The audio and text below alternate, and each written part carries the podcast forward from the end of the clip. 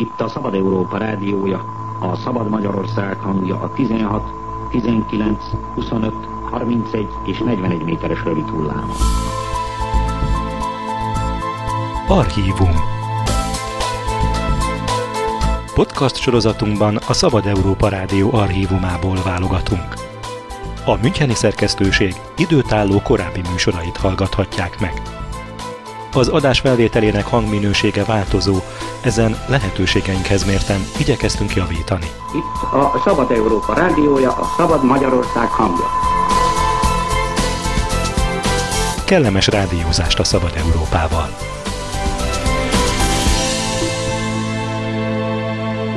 Most meghallgathatják a Szabad Európa Rádió 1990. október 29-én sugárzott műsorát. A Nyugati úton című sorozatban a nyugati demokráciák szólás, sajtó és tájékoztatási szabadságával foglalkozik Vári János és a szerkesztő Kézdi Pál.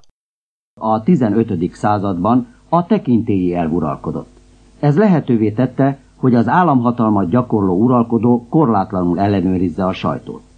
A felvilágosodás nyomán fejlődött ki az a nézet, hogy biztosítani kell az eszmék szabad versenyét, és ezért a sajtót ki kell szabadítani a kormányzat ellenőrzése alól.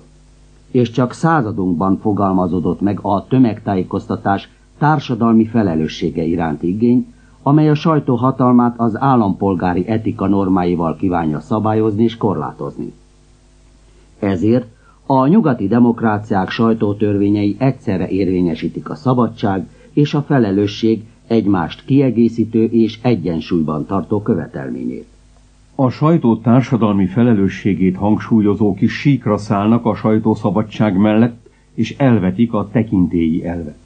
De nem elégszenek meg a sajtó kormányzati ellenőrzésének a megszüntetésével, hanem különleges jogi státust igényelnek a számára. Egyes demokráciákban törvényesnek ismerték el, hogy az újságírók megtagadhassák a hírforrás megjelölését. Ezt az újságírói előjogot a közvélemény számára fontos és megbízható tájékoztatást nyújtó informátor védelmével indokolták. A sajtó szakmai előjogait egyre több állam ismeri el, többek között az Egyesült Államok, Japán és Izrael. Az elmúlt években hozott amerikai, francia és svéd sajtótörvény támogatja a lakosság jogát ahhoz, hogy minden közérdekű ügyről tudhasson, tájékozódhasson. Ezek a jogszabályok korlátozzák a modern állami bürokrácia közügyekre vonatkozó információs monopóliumát, elősegítik, hogy az állam minél kevesebb információt titkolhasson el a civil társadalom elől. Az újságírói előjogok intézményesülése felgyorsult, amelyben elsősorban a tömegtájékoztatás egyre növekvő fontossága fejeződik ki. Az érem másik oldala, érthetően, hogy ezzel párhuzamosan kifejlődött nyugaton, a többi szakmai ágazathoz hasonlóan, az újságíró hivatás szabályozó normák egyre konkrétabb formát öltő rendszere. Ezek a szakmai kódexek azt kívánják érvényesíteni, hogy ahol az alkotmány védelmezi a tájékoztatást az állam önkényes beavatkozásától, atyáskodó gyámkodásától, éppen ott magának a sajtónak kell önmagát ellenőriznie. Az újságírók alkotják a szabályokat, ők mondják meg, hogy megyek a pontos, a fair és felelősségteljes tájékoztatás ismérvei, és azt is ők döntik el, miként kell ezeket a szabályokat betartani és felelősségre vonni azok megszegőit. A normákat az újságírók közössége fekteti le, de mihelyt ez megtörtént, a normákhoz nekik kell alkalmazkodniuk. Az újságírók önellenőrzésének intézményesülésével egyidejűleg megfigyelhető az újságírók ellen indított rágalmazási perek szaporodása, és hogy a sajtónak ismételten harcolnia kell az állami és gazdasági bürokrácia titkolódzásának a megtöréséért. Tény, hogy nyugaton sem sikerült a tájékoztatásban dolgozóknak mindig és mindenütt teljesíteniük a sajtóval szemben támasztott igényeket, sem a pontosság, sem a felség vonatkozásában. Emiatt számosan kétségbe vonják az újságírók elkötelezettségét saját etikai normáik iránt. Egy nemrég végzett felmérés szerint a megkérdezett amerikaiak 40%-a úgy vélte, hogy a tömegtájékoztatási intézmények nem eléggé felelősségteljesek és visszaélnek hatalmukkal. Csak nem 20%-uknak az volt a véleménye, hogy a tömegtájékoztatási szervezeteket szigorúbban kellene ellenőrizni a társadalomnak. Négy megkérdezett közül mindössze egy gondolta azt, hogy a tömegtájékoztatás lényegében etikusan működik, és kielégíti a jogos igényeket. Bármennyire is elterjedt, mégsem tekinthető igaznak az a vélemény, hogy a sajtó az alkotmány védelmét élvezve nem csak visszaél hatalmával, de el is kerüli a felelősségre vonást. A társadalom egyrészt úgy gyakorol ellenőrzést a sajtó felett, hogy bizonyos lapokat nem vásárol, hogy egyes műsoroknál a közönség elzárja a rádiót vagy a televíziót. A kontroll másik formája a verseny a különböző lapok, rádió és tévéállomások között. A társadalmi kontroll harmadik formája a fegyelmi és bírói úton történő felelősségre vonás. Most ez utóbbit vesszük közelebbről szemügyre. A nyugati demokráciákban általában bírói úton vonhatók felelősségre azok az újságírók, akik akár szóban, akár írásban rágalmazást követnek el. Ez ellen például Angliában azzal védekezhet a felelősségre von személy, hogy bebizonyítja, igazat állított, vagy kommentárja tisztességes volt, nem sértette a ferség szabályait, vagy pedig igazolni tudja, hogy indokoltan élt újságírói jogaival. Az újságíró azonban nem hivatkozhat állítása alátámasztásaként valaki büntetett előéletére, még akkor sem, ha az megfelel a tényeknek. A kommentálásban elhangzó rágalmazó, becsmérlő vagy becsületsértő állításért pedig csak akkor vonható felelősségre, ha azt közérdekű témáról jó hiszeműen, meggyőződésből a tényeknek megfelelően tette. Az újságíró szakmai előjogaira akkor hivatkozhat, ha a parlament, a kormány vagy a bíróság tanácskozásairól és esetleg államtitoknak is minősíthető döntéseiről tájékoztat. Ha ez a tájékoztatás pontos, tisztességes és kiegyensúlyozott, akkor az újságíró nem vonható felelősségre. A tudósítónak pontosan kell visszaadnia az elhangzottakat, ugyanakkor nem felel az elhangzottak feltétlen valódiságáért. Franciaországban nem tesznek különbséget egy magánszemély, vagy pedig egy hivatalos személy sajtó útján történő megrágalmazása között. Az államfő ugyan kivétel, mert a francia köztársasági elnököt külön rendelkezés védi a sajtó útján vagy más módon elkövetett sértés és rágalmazás ellen. Ennek ellenére az 1881-es sajtótörvény óta csupán egyszer, mégpedig De Gaulle elnök kezdeményezett 1964-ben eljárást egy heti lap ellen rágalmazás miatt, de ő is elveszítette a pert. Hogy miként teljesül a sajtó szabadságának és felelősségének a kettős követelménye Franciaországban, azt párizsi munkatársunk Albert Párt tekinti át. A sajtónak a szabadsága a leglényegesebb szabadságjogok közé tartozik. Ahogy az 1789-es forradalom kezdetén mondta volt Mirabeau, nélküle a többi szabadságjog sem vívható ki. Meg annyi korábbi kívánalmat így foglalt ünnepélyesen szövegbe a jogok 1789-es deklarációja. A gondolatok és a vélemények szabad közlése az emberfajta egyik legdrágább joga. Minden polgár beszélhet, írhat, közölhet szabadon, föltéve, hogy nem él vissza a törvények által meghatározott szabadsággal. Ez tehát az alapító okmánya a francia sajtószabadságnak, melynek némely viszontagság után máig újabb, azóta is csak addig módosított alapító törvénye az 1881. július 29-éről datált. Kettős arculatával, a jogdiadalával, illetve szépen az önként vállalt felelősség mérséklésével, esetenként belátásával. Így máig, kivéve némely rendkívüli állapotot, a katonai és diplomáciai információk vállalt előzetes hivatali megszűrését a két háborús időszakban, 14-18-ban, 39-45-ben, így a kettő szinte fenntartás nélkül alapító törvényjel új körülményekre, új előállítási és terjesztési technikákra való kényszerű tekintettel, némi utóbbi jogi megszorításokkal. Vagyis hogyan ma Franciaországban a konszenzus belátásával temperált, viszonylagosnál több, majdnem teljes sajtószabadságban. Mondani éppen annak jószerivel elfogadott határait is, melyeket nem előzetes megszabás, látomoztatás korlátoz, legfeljebb utólagos, nyilvános jogi eljárás lehetősége mérsékel. Nos, a mai jogi gyakorlat szerint lényegében kétféle védség típus lehetséges, és kétféle korlátozás. Egyik, mely az információ teljes szabadságát fékezné, másik, mely mégis a véleménynyilvánítások módozatát. Az információkra három tanács parancs vonatkozik. Az információknak pontosnak, becsületesnek kell lenniük, illetve bizonyos titokőrzést tiszteletben tartaniuk. Törvénykezés tiltja például a honvédelemre, vagy pedig a közhitelre vonatkozó téves, megtévesztő, kártékony hírek, álhírek terjesztéség. Egyik a hadsereg hitelét, erkölcsi állapotát ingathatná meg, a másik a pénzbe, az állami javakba helyezett bizalmat áshatná alá. A becsületesség parancsának megszegése, a magánszemélyek vagy közéleti személyek szándékosan ártó rágalmazása, rossz hírbe keverése. Ennek megsértése jogi eljárástól maga után, kiigazítási kötelezettséget is a sérelmet, ráfogást, insinuációt elkövető sajtótermékben. A titoktartás kötelme három területen érvényesül. Bírósági eljárásról elvileg csak nyilvános szakaszában illik szokás szabad tájékoztatni, netán vélekedni. Úgy miként a parlamenti bizottságok ellenőrző, vizsgáló tevékenységéről. És ez a gyakorlatban fokozottabban áll az olyan gazdasági, ipari, diplomáciai, stb. mozzanatokra, melyeknek nyilvánosságra hozása az államvédelmi érdekét sértelék. Albert Pár hallották Párizsból. Olaszországban a sajtótörvény legitimnek tekinti a közérdekű bírálatot, de a büntetőjog hatáskörébe utalja a rágalmazást. Külön védelemben részesülnek a közéleti tisztségek viselői, és ezen belül is az államfő. Hasonló védelem illeti a katolikus egyházfőt, más államfőket és a nagyköveteket.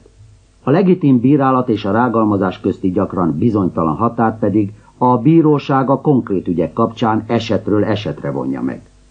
A védekezéshez nem elég, ha az újságíró igazolja, igazat állított. Kivételt képez, ha a sértett fél azt elfogadja, vagy ha az illető közéleti személy, és kénytelen az igazállítást méltányolni. De ilyen esetekben is büntethető az olasz újságíró, ha az igazat sértő és szidalmazó módon állította. A sajtószabadság további korlátairól hallgassák meg római munkatársunk Bojtár István tájékoztatását. Az olasz köztársaság alkotmányának 21. cikkeje szavatolja a sajtó szabadságát, kimondva, hogy nincsen szüksége engedélyre és nem vethető alá cenzúrának. A sajtó szabadsága mindazonáltal nem parttalan. Gátat vet neki a büntető törvénykönyv azokkal a paragrafusaival, amelyek tiltják és meg is büntetik a rágalmazást, vagyis a másokat sértő, becsületükbe gázoló, rossz hírüket keltő állításokat. A rágalmazás bűncselekményét abban az esetben, ha sajtó útján követték el, hat hónaptól három évig terjedhető elzárással és legalább egy millió lírányi pénzbírsággal bünteti a törvény. Rágalmazni azonban nem csak úgy lehet, hogy valaki sértő kifejezésekkel befeketít egy másik szemét, hanem úgy is, hogy olyan tényeket, tetteket tár a nyilvánosság elé, amelyek önmagukban sértőek egy bizonyos személyre nézve. Ez a sajtó útján elkövetett rágalmazásnak a leggyakoribb módja, és ez az a terület, amelyen szüntelen a feszültség a szabadság és korlátai között. Egyrészt magából a büntető törvénykönyvből, másrészt a legfelső bíróság jogalkotó döntéseiből kiolvashatóan a következőképpen fut az a határ, amelyet az újságírónak tiszteletben kell tartania. Tájékoztató tevékenysége során mindenek előtt nem teheti közzé fesztelenül és válogatás nélkül azokat az értesüléseket, amelyeknek birtokába jutott, hanem gondosan meg kell állapítania, főként a források ellenőrzése útján, vajon az értesülések megfelelnek-e az igazságnak. Foglalkozásából folyó kötelessége, hogy ezt megtegye. Az ilyen formán ellenőrzött értesülés lehet ártalmatlan, de lehet olyan is, amely rossz fényt vet valakire és sérti becsületét. Az újságíró ebben az esetben is nyilvánosságra hozhatja, anélkül, hogy elmarasztalható lenne rágalmazás bűncselekményében, föltéve először, hogy az általa közreadott tény számot tart a közvélemény objektív érdeklődésére, vagyis az így vagy úgy érinti a közéletet, nem pedig egy személy senki másra nem tartozó magánügye. És, föltéve másodszor, hogy tárgyilagos módon sértő kifejezések használata nélkül tájékoztatja a közvéleményt. A legfontosabb minden esetre, hogy amit mond, az megfeleljen az igazságnak. A probléma szakértői szerint Olaszországban évente több száz rágalmazási és becsületsértési per indul újságírók ellen, arról azonban sajnos nincsen kimutatás, hogy mennyi végződik elmarasztaló és mennyi felmentő ítélettel. Bojtár Istvánt hallották Rómából. A Német Szövetségi Köztársaság sajtótörvénye örködik az állampolgárok társadalmi megbecsülése felett, és ezért igen kényes a mások személyére vonatkozó negatív tartalmú kommentárokat illetően. Már a sértegetés és szidalmazás is két évig terjedő szabadságvesztéssel vagy nagy összegű pénzbüntetéssel sújtható. Az esetek többségében azonban a bíróságok csupán az eljárási költség megtérítésére kötelezik a vádlottat, és megszüntetik az eljárást. Büntetendő a sajtóban közölt rossz hiszemű híresztelés is, amikor valaki téves tényeket állít valakiről egy harmadik személynek. Ha viszont az újságíró olyan tények állításával követel rágalmazást, amelyekről tudja, hogy hamisak, akkor öt évig terjedő szabadságvesztés elbüntethető.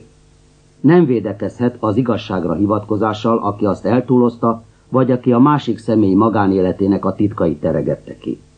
Most hallgassák meg berlini munkatársunkat Sasvári Attilát, aki konkrét esetek kapcsán szemlélteti, hol ér véget a sajtószabadság Németországban. 1987-ben súlyos politikai botrány rázta meg a nyugatnémet közéletet. Uwe Barschelről, Schleswig-Holstein miniszterelnökéről kiderült, hogy politikai krimibe ülő cselszövés útján próbálta lehetetlenné tenni vetétását a választások előtt. Megrendítette a politikai élet tisztaságáról alkotott elképzeléseket, hogy a miniszterelnök becsület szavát adta a televízió képernyőjén, hogy az ellene felhozott vádakból semmi sem igaz. Végül is azonban, látva a bizonyítékok halmozódását, öngyilkos lett Svájcban egy Genfi szállodában. Az ügy felderítésében élen jártak a két legtekintélyesebb nyugatnémet hetilap, a Spiegel és a Stern riporterei. Barschel politikai, de egyben személyes szennyesét is kiteregető cikkeik, az információk beszerzésének és tálalásának módszerei azonban felvetették a sajtószabadság határaira vonatkozó kérdést. Ezúttal nem a törvényekben rögzített keretek megsértéséről volt szó, hanem az önkorlátozás, az újságírói etika problémájáról. Az ilyen esetekben illetékes német sajtótanács a sajtókódexra hivatkozva helyesnek látta, ha legalább két esetben meglovásban részesíti a Spiegelt és a Sternt. Előbbit azért, mert a botrány kirobbanásában fontos szerepet játszó cikke a Barshell piszkos trükjei címet viselte, amit azonban a közvetlenül a választások előtt megjelenő írás tartalma végső soron nem igazolt. A halott miniszterelnököt egy fürdőkádban elsőként felfedező és lefényképező Stan Reporter pedig azért kapott megdovást, mert önhatalmulag nyomult be a Genfi szállodai szobába, ahol Barshell öngyilkos lett. A sajtószabadság törvényes korlátainak értelmezéséről volt szó viszont egy két évvel ezelőtti vitában a berlini sajtó és a belügyi szenátor között. A Nemzetközi Valuta Alap berlini tanácskozását összecsapások kísérték a rendőrség és a tüntetők között. Ennek során a rendőrök néhány esetben akadályozták munkájukban a riportereket. A belügyi szenátor azonban úgy vélte, hogy ennek éppen ellenkezője történt, és adott esetben a sajtószabadságnak háttérbe kell szorulnia a rendőrségi munkával szemben. A tömegtájékoztatási eszközök képviselői az alkotmányra és a sajtótörvényre hivatkoztak. Az előbbi kimondja, hogy a sajtószabadságot csak az általános törvények, továbbá az ifjúság és a személyes méltóság védelmére vonatkozó előírások korlátozhatják. Továbbá eljátsza a véleményszabadsághoz való jogát, aki visszaél azzal a demokratikus rendelleni harc céljából. A sajtótörvény pedig hozzáteszi, mindenféle külön intézkedés, amely a sajtószabadságot korlátozza, tilos. Adott esetben azonban a törvényeknek is vannak korlátai. Egyértelműen külön intézkedésről volt szó például akkor, amikor a Vörös Hadsereg frakció terroristái elrabolták a gyáriparosok vezetőjét, Hans Martin Schleiert, és a kormány a TUSZ érdekeire hivatkozva 44 napos hírzárlatot rendelt el.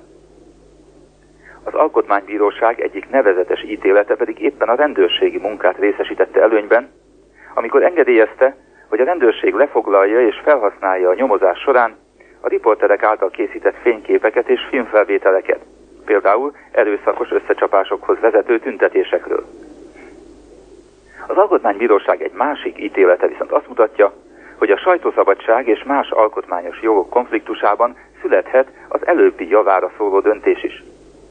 Néhány évvel ezelőtt a neves író Günther Váraf inkognitóban beférkőzött a legnagyobb nyugatnémet napilap, a Bild szerkesztőségébe, és eleplezte az ott dolgozó újságírók tisztességtelen információs politikáját. Az ügy az alkotmánybíróság elé került, amelynek döntése azt jelentette, hogy az információ szabadsága adott esetben fontosabb lehet, mint a személyi jogok védelme. A bíróság ugyan leszögezte, hogy a megtévesztés révén szerzett információt általában nem szabad a megtévesztett személy ellen felhasználni. De kivételt képez az az eset, amikor az előnyök, amelyek az információ jelentőségéből és nyilvánosságra hozatalából adódnak a köz számára, felülmúlják a személyi jogok megsértéséből fakadó hátrányokat. Sasvári Attila beszélt Berlinből. Ausztria nem csak a Magyarországhoz legközelebb fekvő nyugati állam, hanem egyben az a demokratikus társadalom, amelynek tapasztalatai a közös történelmi hagyományok és más hasonlóságok következtében leginkább követhetők egy Duna-medencei ország számára. Ezért olyan fontos, hogy miként oldották meg Ausztriában a sajtószabadság és a felelősség egybekapcsolását. A részleteket Bécsi munkatársunk Hanák Tibor mondja el. Az, hogy Ausztriában a sajtószabadságot az alkotmány biztosítja és kifejezetten tiltja a cenzúrát, korán sem jelenti, hogy bármit lehet írni és nyomtatásban megjelentetni. Nagy általánosságban véve az osztrák sajtószabadság határai egybeesnek az igazmondás és a törvények által meghúzott határokkal. Az igazmondás a sajtó kötelessége, és ezért büntetést kizáró okok között szerepel az az eset, ha egy újság vagy újságíró a valóságnak megfelelően tudósít a parlament, a szövetségi tanács, a tartományi ülések és ezek bizottságai tárgyalásainak lefolyásáról, ezért tehát senkit nem lehet megbüntetni. Ebből azonban nem következik, hogy az igazmondás nem lehet törvénybe ütköző cselekedet. A családi élet belső ügyeiről tudósítani, kiteregetni a magánszférába tartozó még oly valós tényeket, felhánytorgatni valakinek a múltját, vájkálni benne, és ezzel becsületébe gázolni, esetleg egzisztenciáját tönkretenni, ez nem tartozik bele a sajtószabadságba. Mint ahogy az sem, ha valaki az osztrák állam törvényeinek megsértésére szólít fel, vagy pornográf képeket, illetőleg írásokat közöl. Ezen kívül, bár a rendőrség köteles tájékoztatni a sajtót, de megtagadhatja bizonyos tények közlését, ha a nyilvánosságra hozatal akadályozná például egy bűnügyi eset kiderítésénél a tettes elfogását. Egy korábbi belügyminiszterről ezt Africs rendeletnek nevezik, mely bizonyos esetekben is átmenetileg titoktartásra kötelezi a végrehajtó közegeket. Ezt a rendeletet a sajtószabadságra hivatkozva kiátszani visszaélésnek minősül. De itt mert a sajtó és a többi hírközlő szerv veszélyes lehet az egyén és a közösség életében, embereket lehet tönkretenni becsületsértéssel, és tömegeket felhetszelni az állam ellen, az osztrák sajtótörvény lehetőséget ad azonnali védekezésre. Ha valaki saját személyére nézve sértőnek találja egy lap állításait, óvást emelhet, követelheti a kifogásolt kiadvány terjesztésének azonnali meggátlását. Hogy ez jogosan vagy jogtalanul történt-e, azaz, hogy valóban fennforog-e mondjuk a becsületsértés, azt a későbbi per hivatott eldönteni, ami tehát utólagos és nem gátolja meg a lap elkobzását. Ezen kívül a sajtószabadsággal való visszaélés meggátlására vezették be Ausztriában azt az előírást, hogy minden sajtóterméken, melynek terjedelme kevesebb, mint 48 nyomtatott oldal, meg kellett adni egy felelős szerkesztőt név és lakcím feltüntetésével, aki a kiadás tartalmáért felelt. Ezt a szerkesztőt tréfásan cicredaktőrnek, ülő szerkesztőnek nevezték, arra célozva, hogy neki kellett leülnie az újságra kiszabott büntetéseket. 1982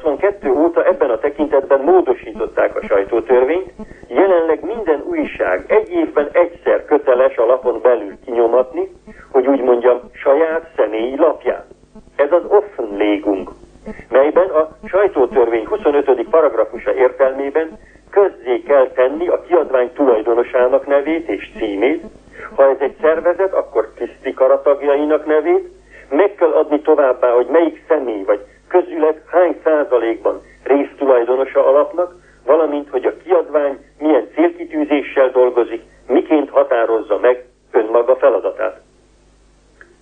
Hanák Tibort hallották Bécsből. Az izraeli sajtótörvény magán viseli a brit gyarmati múlt egyes vonásait. A sajtó szabadságának és felelősségének az érvényesülése még azért is eltérő Izraelben, mert ez az ország háborús állapotban él, és ilyen különleges helyzetben nagyobb hangsúlyt kap az állami kontroll és a tömegtájékoztatás felelőssége. Ezt a helyzetet veszi közelebbről Szebüde jeruzsálemi munkatársunk, Szolnok Éva. Izraelben létezik törvények által körülhatárolt sajtószabadság és tényleges sajtószabadság. Érdekes módon a tényleges szabadság az, amely lényegesen szélesebb. A törvény szerint sajtótermék kiadását engedélyezni, illetve az engedélyt felfüggeszteni vagy visszavonni a belügyminiszternek van joga. Könyv vagy újság kiadását akkor lehet letiltani, ha vagy kétségbe vonja az állam létét, vagy veszélyezteti a biztonságát, vagy felkelésre szólít fel. A jelenlegi gyakorlatot egy 1953-ban történt eset legalizálta. Az eset megértéséhez tudni kell, hogy Izraelben az állampolgár az állam, illetve annak szervezeteivel szemben panaszaival a legfelsőbb bírósághoz fordulhat. 1953-ban a hidegháború éveiben történt, hogy Henry Morgenthal, amerikai politikus azt mondta, hogy Malenkov rosszabb, mint Stalin. Abba Even, Izrael akkori ENSZ nagykövete helyeset, és kijelentette, hogy ha fegyveres konfliktusra kerül a sor kelet és a nyugat között, akkor Izrael Amerika mellé fog állni. Erre két kommunista újság, a zsidó Kolhaám és az arab Al-Ittihad azt írta, hogy Henry Morgenthal még Malenkovnál is rosszabb, és hogy Abba Even csak menjen egyedül az amerikaiak mellett harcolni. A vezércik hatására az akkori belügyminiszter felfüggesztette a lapok engedélyeit 10, illetve 15 napra. A betétás miatt az újságok a legfelsőbb bírósághoz fordultak, a bíróság pedig azt a döntést hozta, hogy az, hogy valami, amit írnak egy újságban, és az nem tetszik a kormánynak, az nem ok és nem jogalap az újság betiltására, mert ennek az országnak alapelve a szabadság, és ezen belül a szólásszabadság is. Ma ez a döntés az alapköve az izraeli sajtószabadságnak, és senkinek eszébe sem jut felfüggeszteni egy lapot azért, mert a kormány véleményével ellentétes véleményt hangoztat. Más a helyzet honvédelmi téren. Katonai cenzúra létezik. Viszont a lapkiadók és lapszerkesztők létrehoztak egy úgynevezett szerkesztők bizottságát. Ennek a bizottságnak a tagjait időnként meghívják a katonai szervek, tájékoztatják őket a tényleges katonai helyzetről, és azt is megmondják, hogy hol van az a határ, amelyet a honvédelemmel kapcsolatos írások nem léphetnek át. A lapot csak akkor nyújtják be a katonai cenzúrának, ha kétséges, hogy egy-egy cikk a határon innen van-e vagy túl. Szolnok Évát hallották Jeruzsálemből. Ma sok bírálat éri a magyar sajtót és a tömegtájékoztatási intézményeket. A sajtó bírálata azonban olyan régi, mint maga a sajtó. Részben tehát csak arról van szó, hogy a magyar újságírás is osztozik a szakma sorsában. Közismert nyugaton, hogy az a szabad tájékoztatás, amely eleget tesz feladatának, szükségszerűen ellenérzéseket is kelt, és szálka az érintett személyek vagy társadalmi csoportok szemében. Nem szabad meglepődnünk, hogy az emberek gyakran ellenérzéssel fogadják a kedvezőtlen híreket. De az sem lehetséges, hogy csak jó hírekről kapjanak értesülést. Ez azzal is jár, hogy egyesek ellenlépésekhez folyamodnak, és megpróbálják korlátozni a sajtó jogait.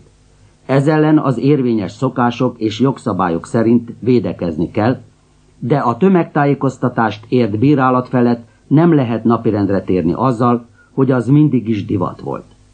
A bírálatokra a sajtó részben rá is szolgál saját fogyatékosságaival. Ismerté váltak Észak-Amerikában, Nyugat-Európában és Japánban is olyan esetek, amikor egyes újságírók súlyosan vétettek a tájékoztatás etikája ellen. Ez aztán a szakma egészére vett rossz fényt. De a szabad és demokratikus sajtóhoz hozzátartozik, hogy saját hibáit is könyörtelen nyíltsággal korrigálja. Ez a fejlődés nyugati útján szinte természetes, mert a sajtónak ugyanazokat a normákat kell saját magára is alkalmaznia, amelyeket másoktól megkövetel. Nem követelhet válaszokat a kormánytól, a bíróságoktól, a gazdasági szervezetek irányító testületeitől, egy szóval nem vonhat felelősségre másokat, ha saját maga kitér a bírálatok és a társadalmi felelősség elől. A Szabad Európa Rádió 1990. október 29-én sugárzott műsorát hallották. A Nyugati úton című sorozatban a nyugati demokráciák szólás, sajtó és tájékoztatási szabadságával foglalkozott Vári János és a szerkesztő Kézdi Pál.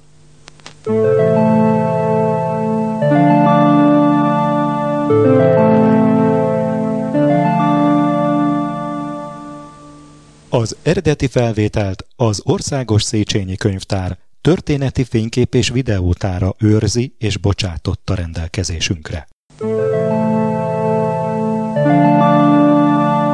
Thank you.